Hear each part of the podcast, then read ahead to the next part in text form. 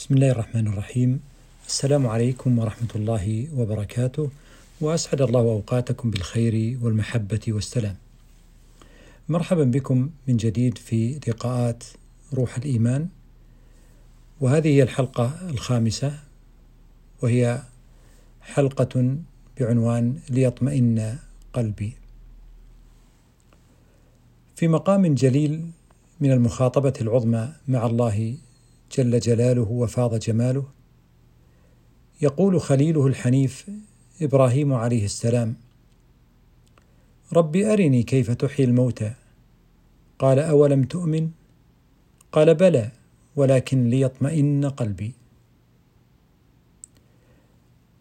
أمام هذا المشهد العظيم من المخاطبة بين الخليل وبين ربه جل جلاله ليكون الاطمئنان القلبي شعيرة إيمانية.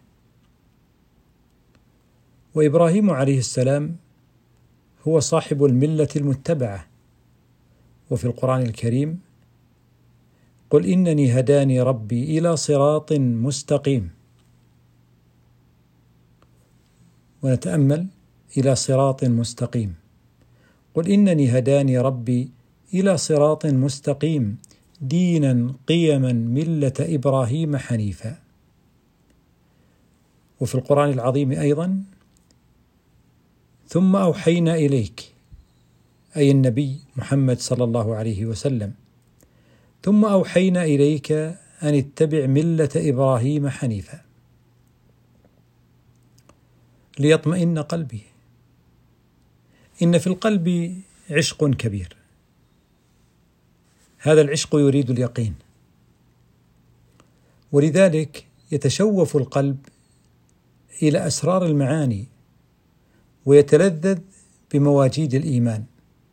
ونجد أن القلب يفرح برسائل النور. هكذا نحن عندما نتذوق طعم الإيمان وعندما نرتقي في مراتب النور نحن نريد المزيد من البشائر ومن المعارف. وتتحرك فينا بواعث الشغف لتجليات العظمة الإلهية والرحمة الربانية. فللقلب فرحة حين يتأمل المعاني وله بهجة حين يكتشف الأسرار وحين يرى بوارق الإيمان ويرى إشراقات الأنوار.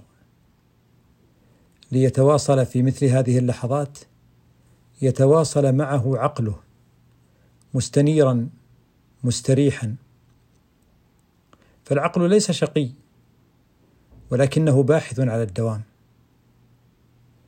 وعندما يكون القلب متصلا بالأنوار متجليا فرحا بهذه بهذه التجليات العظيمة فإن العقل يتواصل مع القلب.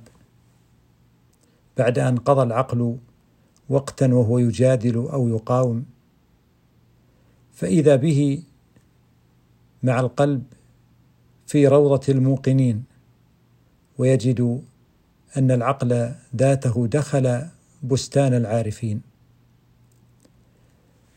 أيها الفضلاء ليس من صالحنا أن تتمزق حياتنا فالحياة عابرة. وليس صحيحا أن تكون حياتنا على إيقاع الحزن أو الخوف أو تتلاعب بها أمواج الصراعات والجدليات المظلمة.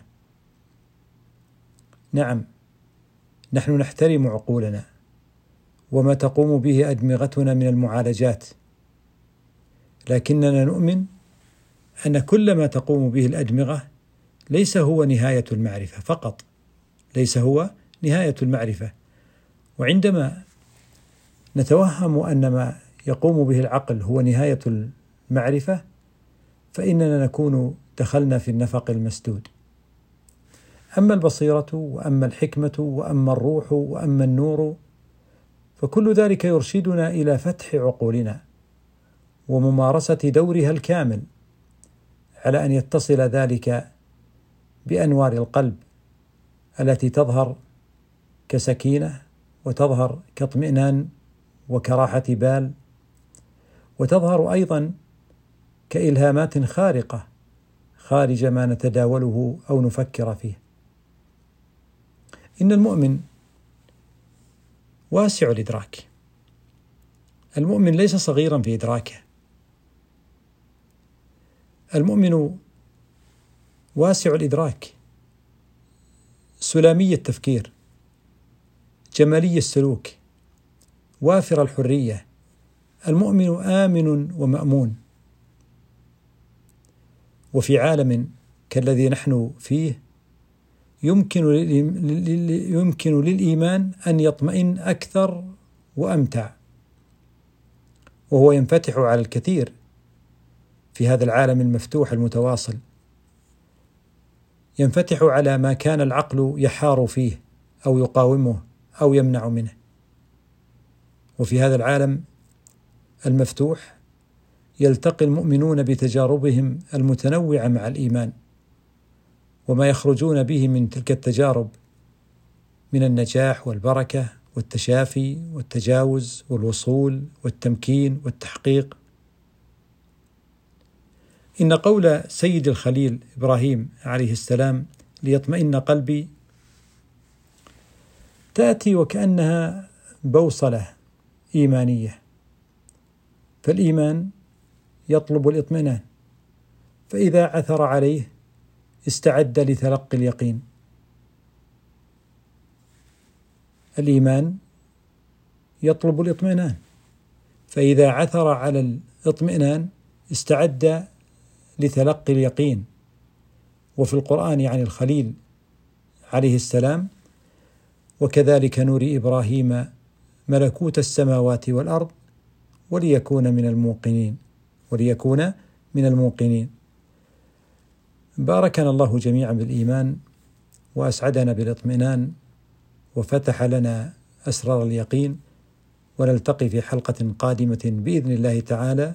والسلام عليكم ورحمة الله وبركاته.